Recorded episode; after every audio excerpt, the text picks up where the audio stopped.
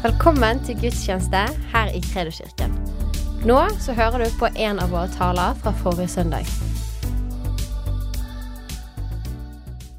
Nei, men så eh, flott å se deg, alle sammen. Vi, eh, vi skal ha en eh, gudstjeneste, eller skal holde en tale som vi, vi, I morgen skal vi feire grunn, grunnlovsdagen, så da har jeg lyst til å være litt inn på det også. I og med at vi ikke har noe 17. mai-talje, så tar vi, en, tar vi, den på 16. mai. Eh, og baker den inn i, i prekena. For jeg tror at det er viktig at jeg og du skjønner og husker på litt av historien vår, og hvor betydningsfullt det har vært hva Gud har gjort gjennom de kristne. Amen. Vi har en arv å være stolt av, og som vi også skal passe på å ta vare på. Men før vi kommer dit, så skal vi eh, gå, få opp eh, kapittel 12. Så skal vi lese fra vers 25 til 29. Da står det Se til at dere ikke avviser ham som taler.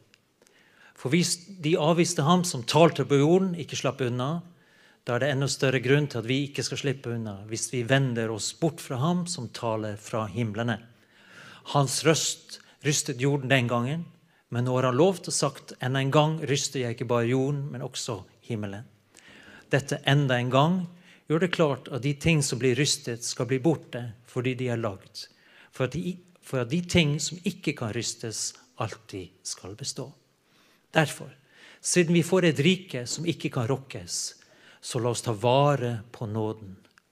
Ved den kan vi stå i en velbehagelig tjeneste for Gud med ærbødighet og gudsfrykt. For vår Gud er en fortærende ild.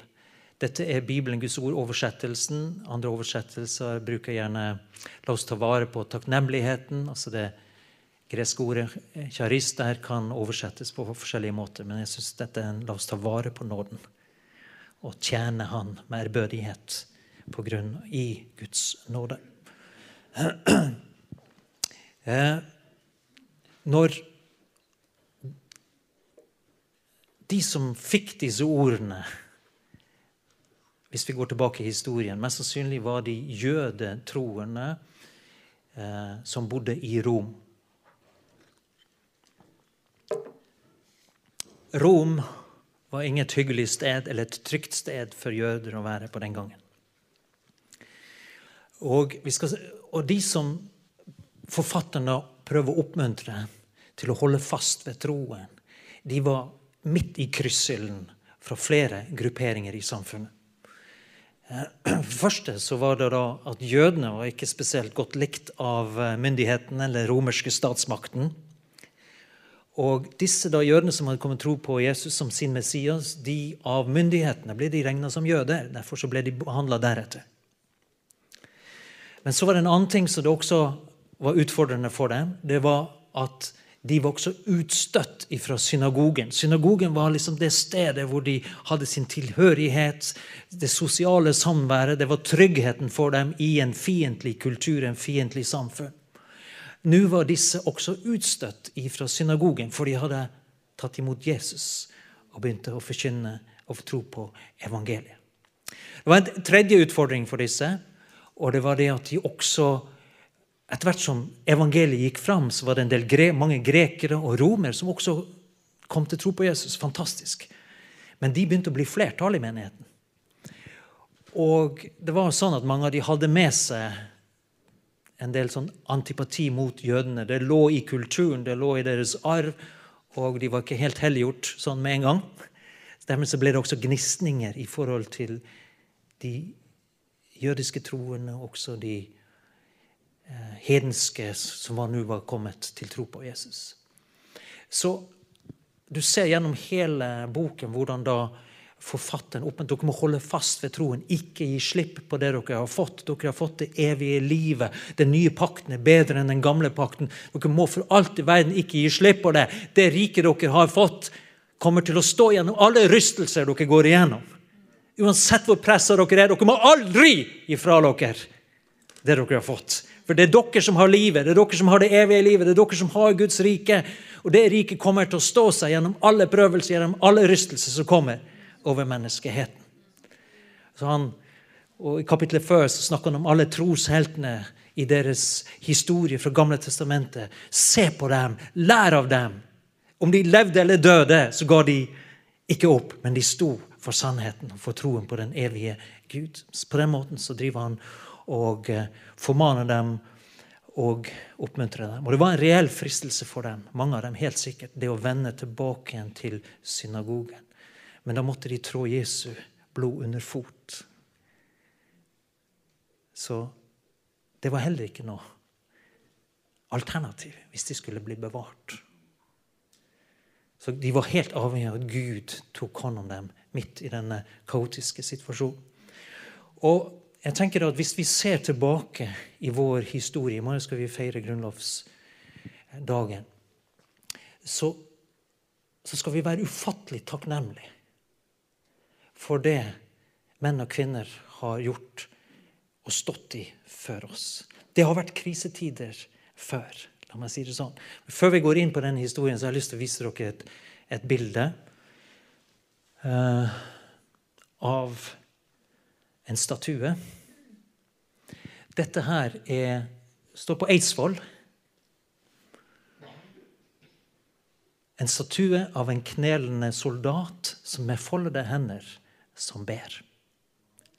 Denne statuen ble uh, laga av uh, Gustav Lærum, altså en uh, billedhugger.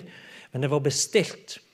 Og på avdukningen, som du ser nede til, til høyre her, så var kong Haakon til stede. Dronning Maud var til stede. Kronprins Olav den gangen var til stede.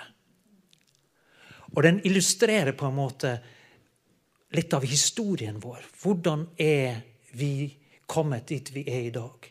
Jo, for det er noen folk som har vært på knærne og bedt til Gud.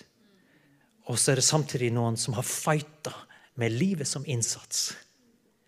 Utgitt sitt blod for at jeg og du skal kunne sitte her og ha den trosfriheten som vi opplever i dag. Og alle de velsignelsene vi har i landet vårt. Det bildet i midten der er fra fra krigens tid. Du ser statuen, og bak der er det en tysk tanks. Vi var under okkupasjon. Men jeg er helt sikker på at det var mange bønder som ble, gikk opp i de tusen hjem i Norge. Og Gud bevarte oss og berga oss som folk og som nasjon gjennom den største, noen av den største krisen som vi har opplevd. Eh, men den soldaten der, han er kledd og bevæpna som om han var fra 1814. Og Det vi ofte ikke husker på, men som vi skal ta en liten runde på nå, det er at fra 1807 til 1814 var det dramatisk krisetid i Norge. Hele nasjonen rysta. Vi var jo i union med Danmark. Men i, Europa pågikk det en stor krig. Napoleon og Frankrike mot England. Og det var skiftende allierte styrker. Og, men Norge ble, og Danmark ble mer eller mindre tvunget inn i denne krigen til å ta parti. Og vi havna på Napoleons eh, side i krigen. Men svenskene var på den andre siden. I 1808-09 måtte våre soldater kjempe mot svenskene. Heldigvis den gangen klarte de å stoppe dem ved grensen til Norge. Men det var uår. Fordi at britene med sin handelsflåte de hadde tatt stjålet den danske flåten. Og de blokkerte handelen. Vi var jo helt avhengig av å importere korn bl.a. Fra, fra Danmark. Så det ble stor hungersnød i Norge. Og Historien forteller at folk gjerne på innlandsstrøk de var, hadde enorm matmangel. Det er derfor barkebrødstiden. De måtte få blande mel, bark i melet liksom, for å drøye baksten. Og, og, det var mange som også sulta i hjel i denne tiden.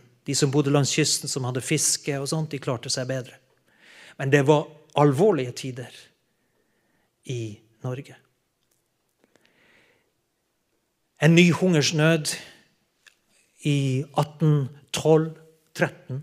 Ny blokade. Og nå også hyperinflasjon 1812. Uh, mynte, altså det var 60% Pengene bare mista sin verdi. Var økonomisk kollaps. De prøvde med en ny myntenhet, bare ingenting funka. Total kaos i landet vårt. I, så kommer vi til 1814, og det blir da en såkalt Kiel-fred. De forhandler, Stormaktene forhandler om fred og fordeling av ulike geografiske områder.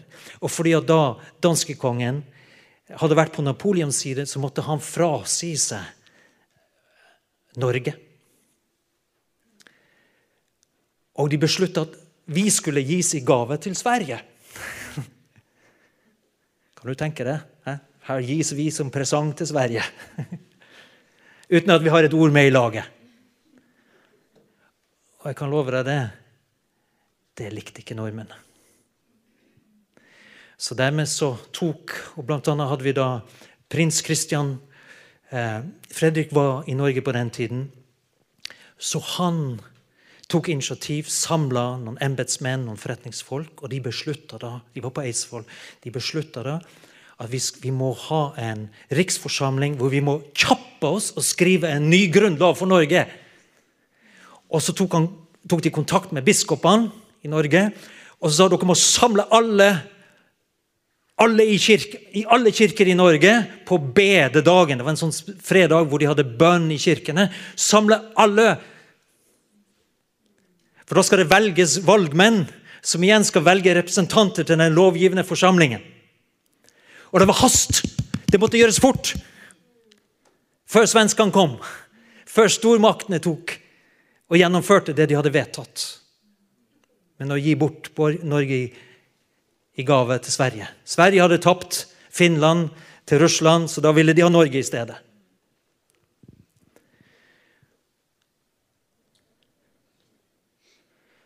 Og det var en forordning. Altså på bededagen den 25. februar skulle de møtes i kirken. Og Biskopen hadde skrevet opp en bønn som de skulle be. De skulle avlegge prinsen de skulle avlegge, hadde laga en sånn ed, så de skulle de skulle sverge til å, å, bekjempe, å kjempe for Norges uavhengighet og frihet. Og så skulle de, begge, skulle de si ved Gud og ved Guds ord skulle de få kraft til å gjøre dette. Og så var det instruksjon om at presten skulle forkynne, preke den dagen. Og han skulle preke med kraft. Eller innlevelse. Eller, jeg husker ikke helt hva ordet var. Men han skulle virkelig ta i. og han skulle preke fra Salme 62, vers 8 og 9. Kan vi få det opp på veggen? Her har vi riksdagsforsamlingens kjent bilde. Men der står det da Hos Gud er min frelse og min ære. Min mektige klippe, min tilflukt, er hos Gud. Stol alltid på ham, dere folk.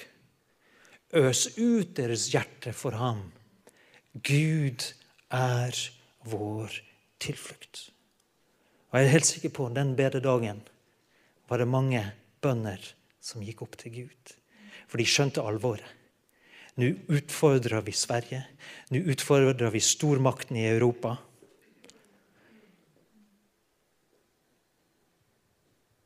Og vi er svake. Men det var et eller annet som drev dem.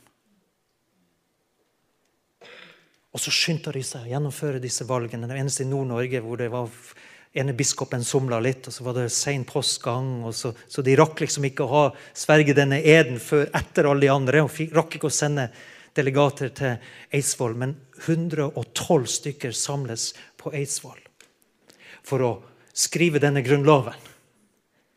Men vet du hva de gjorde? før de begynte på arbeidet, så gikk de i kirka. Første påskedag. 10. april, mener jeg det var. Og hva tror du de tenkte på da? Hva tror du de ba da? De skjønte at nå er det alvor. Hele vår nasjons framtid og vår folks framtid er i vektskålen.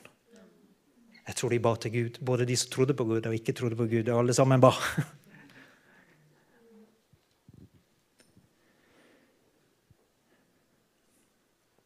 Og så skjer det noe så Jeg har lest flere historikere som også sier det at på, det var egentlig to partier eh, som var litt uenige. Men på seks uker så klarte de å skrive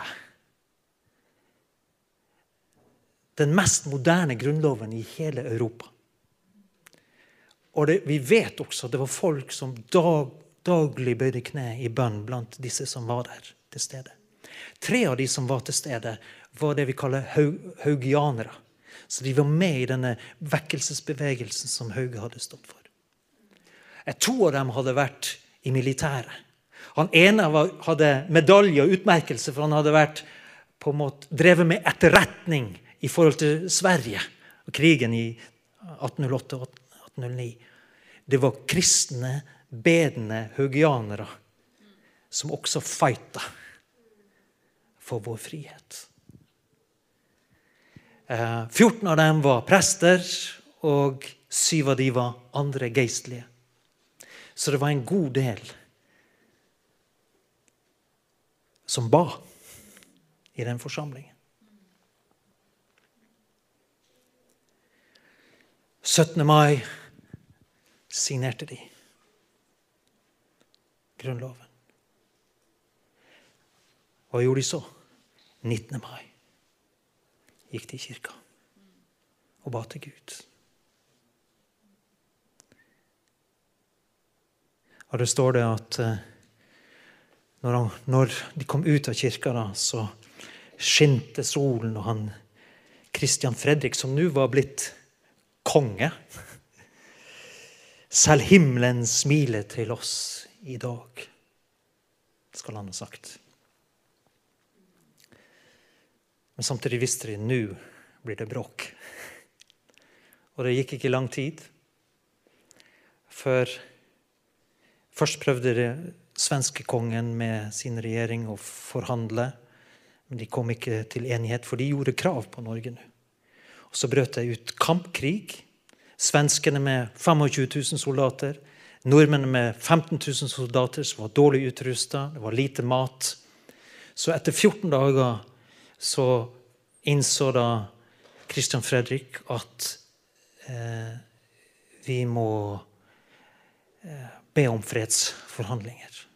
Overmakten var for stor. Men jeg er helt sikker på at i hele denne fasen så var det mange som ba. Haugefolket ba. Andre troende i landet vårt ba. Og det som, Når de da møttes i Moss, så sier flere historikere at det skjedde noe forunderlig. Fordi at svenskekongen tilbød kom med et tilbud. Han sa dere skal få beholde grunnloven deres og selvstendigheten mot at da Kristian Fredrik trer av som konge jeg skal være konge. Og så skal vi ha kontroll på utenriksministeriet. Men ellers så er dere mer eller mindre fri. Det ville under normale omstendigheter ikke ha skjedd når du har makten og kontrollen. Jeg tror det var et svar på bønn. Og det berga oss for en fryktelig blodig krig med svenskene.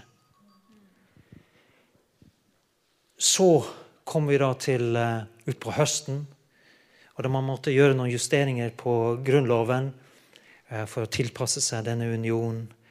Men våre folk sto på og forhandla, slik at de endringene som ble i Grunnloven, egentlig ble veldig bra sett etter uh, situasjonen og forutsetningene.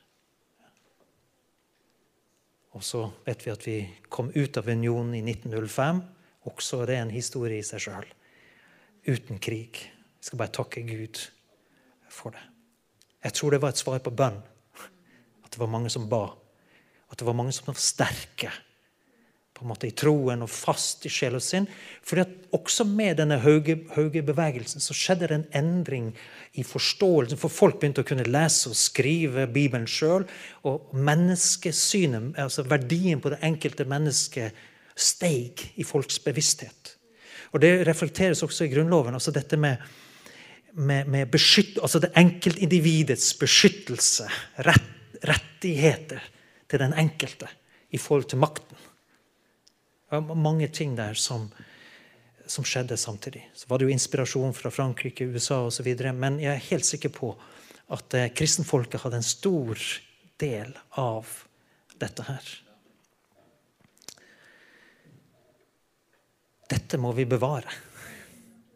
Så kom første verdenskrig, så kom andre verdenskrig. Landet vårt hadde sett helt annerledes ut hadde, vi, hadde historien gått annerledes. Eh, så jeg tenker at vi som folk, som Guds folk, har et viktig ansvar. Eh, be for landet vårt, og også kjempe på de arenaene som vi skal kjempe. For at vi skal bevare trosfrihet, vi skal bevare rettferdighet, vi skal bevare foreldreretten, vi skal bevare det ufødte barns verdi. Det er mange ting vi må fighte for. Vi skal fighte for hele landet vårt. Men vi skal også fighte for disse helt grunnleggende verdiene. Og så skal vi fighte for at folk skal bli kjent med Jesus. Amen. Fordi at Ifølge dette bibelverset her, så er det bare én ting som kommer til å bestå. Og det er Guds rike. Alt av denne verden kommer til både ryste og forsvinne en dag. Så jeg og du kan ikke sette vår lit til velferdsstaten Norge. Vi kan ikke sette vår lit til den faste jobben eller trygden. Selv om vi er veldig takknemlige for det. Vi kan ikke sette lit til våre eiendeler, selv om vi ser på det som Guds velsignelse. For det er bare én ting som kommer til å bestå, og det er Guds rike. Amen. Og som den soldaten som ba og knelte, sånn skal vi også knele og be. Og så skal vi stå opp for det som er sant, det som er rett, det som er godt. Amen. Og det står i dette, Hvis vi går tilbake til det første skriftstedet der, så ser du at det står at, at det skal rystes. Eh, men vi får et rike som ikke kan rokkes. Så la oss ta vare på nåden. Amen. Hva er dette riket? Dette Guds rike er planta inn i meg og deg, du som tror på Jesus. Ved Den hellige ånd. I det øyeblikket du sier ja til Jesus Kristus, så blir du født på nytt. Du blir en nyskapning Syndene dine blir rensa og tilgitt. Og du får din identitet og ditt borgerskap først i Kristus. Først i himmelen, så i hvilken nasjon eller etnisitet eller hva det måtte være.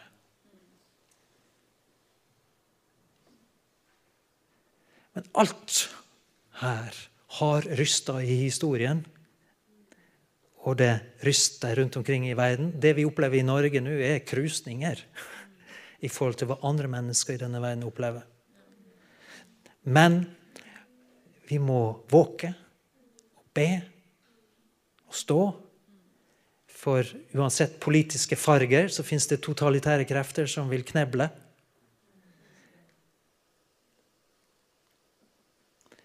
Disse kreftene fins. Antikristens ånd er virksom i dag.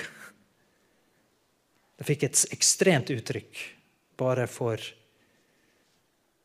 70-80 år siden. Ikke sant? Kommunisme som vokste frem, nazisme Hæ? Disse kreftene er fremdeles i sving. Men Guds rike kan de aldri overvinne. Men det er klart at, at som mennesker så kan vi rystes. Jeg vet ikke om du har blitt rysta i din sjel. Eller du føler at hele det vibrerer. liksom, Det går rakt inn i margen på deg. Dårlige ny nyheter. Ting du ikke forventa skjedde plutselig. Du kjenner deg rysta. Vi kan bli rysta i vår sjel. Men det som er født av Gud i meg og deg, det kan ikke rystes, for det er av Guds rike. Det Gud har planta i deg, kommer til å overvinne alt som skjer i denne verden. Paulus han sa at om jeg lever eller dør, så tilhører jeg Herren. Så han liksom var der. Og ikke som, så vinner jeg. Fordi at Guds rike blir bestående. Hvis jeg lever, så kan jeg forkynne evangeliet. Hvis jeg dør, så blir det et vitnesbyrd om Guds storhet. Guds frelse. Alt kunne vendes til seier. Og sånn tror jeg også det i dag. At vi som Guds folk skal være våkne, og så kan Gud bruke oss. Amen. Til å føre fram Hans rike midt i en fallen verden. Og Det er forunderlig nå rundt omkring i veien det er at mange mennesker er rysta inn i kjernen av hele sin identitet, i hele sitt indre vesen. Uh, mange muslimer er totalt forvirra og rådløse fordi at det de trodde på, viser seg å ikke holde. De er forskremt over den ondskapen de har opplevd. Og en del av de venner seg til Jesus. Mange andre mennesker rundt omkring i verden opplever lignende ting. Uansett religion eller hva de kommer ifra. Det fins bare én som står fast, og det er klippen Jesus Kristus. Alt det andre ryster og faller.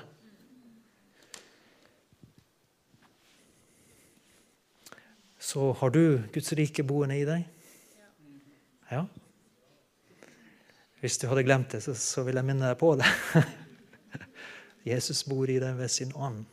Du er en ny skapning i Kristus Jesus. Guds rike er planta inni deg.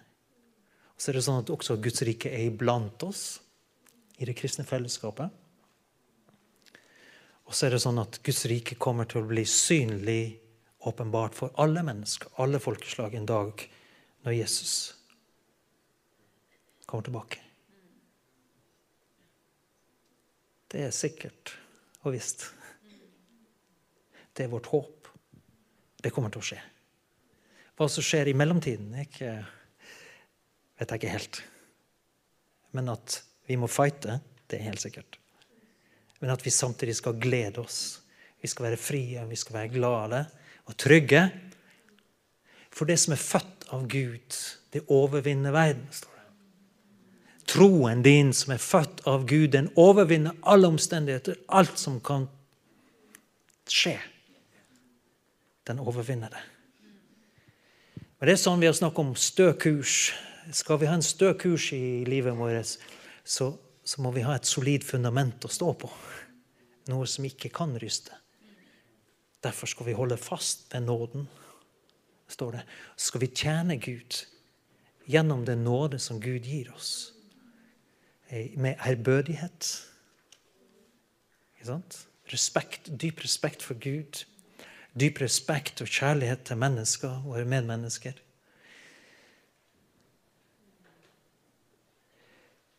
Så hva Det står noen vers også.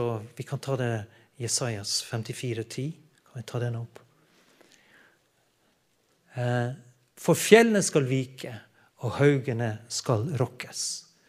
Men min barmhjertighet skal ikke vike fra deg, og min fredspakt skal ikke rokkes, sier Herren, han som forbarmer seg over deg. Vet du at Guds barmhjertighet mot deg kommer aldri til å rokkes. Det kommer aldri til å forandre seg. Han er alltid tilgjengelig for deg. Han er alltid i stand til å berge deg ut av enhver omstendighet enhver situasjon vi måtte havne i. Fantastisk. Det er ingenting som er umulig, ingenting som er håpløst når Guds, hjerte, Guds barmhjertighet er vendt mot oss. Fredspakten. Vet du at du kan ha fred? Du har fred i den nye skapning, og du kan leve i den freden midt i en meget urolig verden. Det er det som er så forunderlig, at vi kan vite at vi vet at vi vet at vi tilhører Jesus, at Jesus er veien, sannheten og livet. Vi vet, Hvordan vet du at du tror? Har du lurt på det noen gang? Ja, men du bare vet det. Ja, men hvordan vet du det, at du vet det? Skal jeg si deg en ting? Det er planter i det. Det er av en substans som ikke kan forklares med intellektuelle ord eller med beskrivelser. 'Jeg føler meg frelst'. Nei, det er dypere enn det. Nei, jeg er enig med det Bibelen sier, derfor er jeg frelst. Nei, det er mye dypere enn det. Det er ikke bare en tankeøvelse. Du er ikke bare enig i noen ting. Nei, du er født. Guds rike bor i deg. Og den overbevisningen det er ingen som kan ta fra deg. For den kommer fra Gud.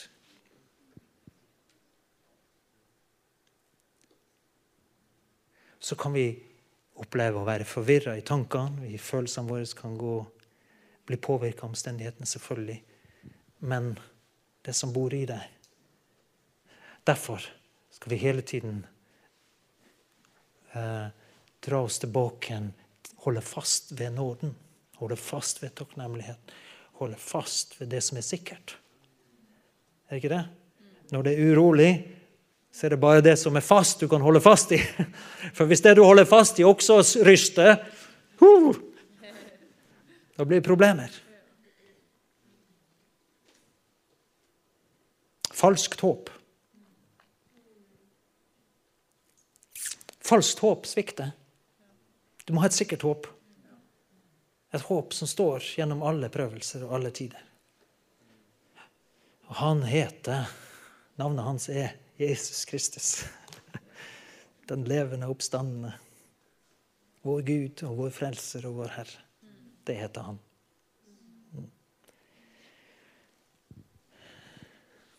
Jeg skal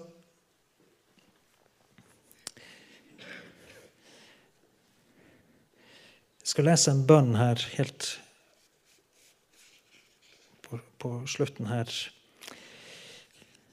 Men du skal vite det at evangeliet er Guds kraft til frelse. Det er sant at Jesus levde det livet vi ikke kunne leve. Det er sant at Jesus fysisk døde på korset.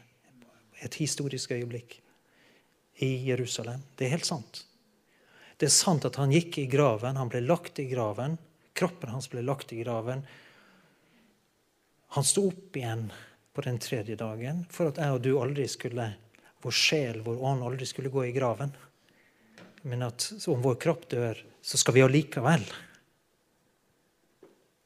gå rett til himmelen. Du skal ikke i graven.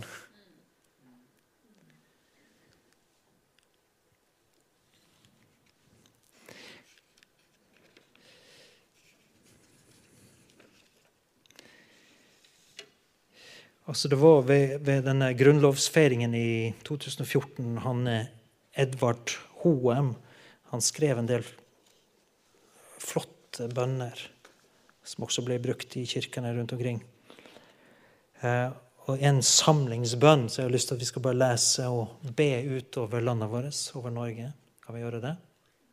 Mm. Se dine barn, Gud, sammen foran ditt ansikt, for å takke og lovprise deg som har skapt alle ting. Åpne hjertene våre, Gud.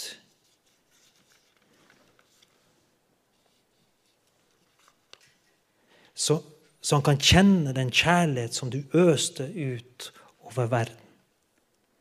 Da du sendte din sønn Jesus Kristus, så vi skulle få evig liv ved ham. Send oss din ånd, Gud, så vi ved vår kjærlighet og omtanke for våre, med, for våre medmennesker kan vitne om deg og fullbyrde din vilje. Takk Gud for at vi lever i nådens tid, i gode år med fred og frihet, i et land med trygghet og rettferdighet. Og så kommer det. Takk for det storverk som ble utført i tro på deg da våre forfedre møttes på Eidsvoll for å gi landet en grunnlov. Gi oss kraft og framtidstro, Gud, så vi kan rette på det som er skjevt, verge de svake og lindre smerten hos dem som lider. Hør, Gud, hvordan all jorden lengter etter din velsignelse. Lær oss å telle våre dager, så vi kan få visdom i hjertet. Amen.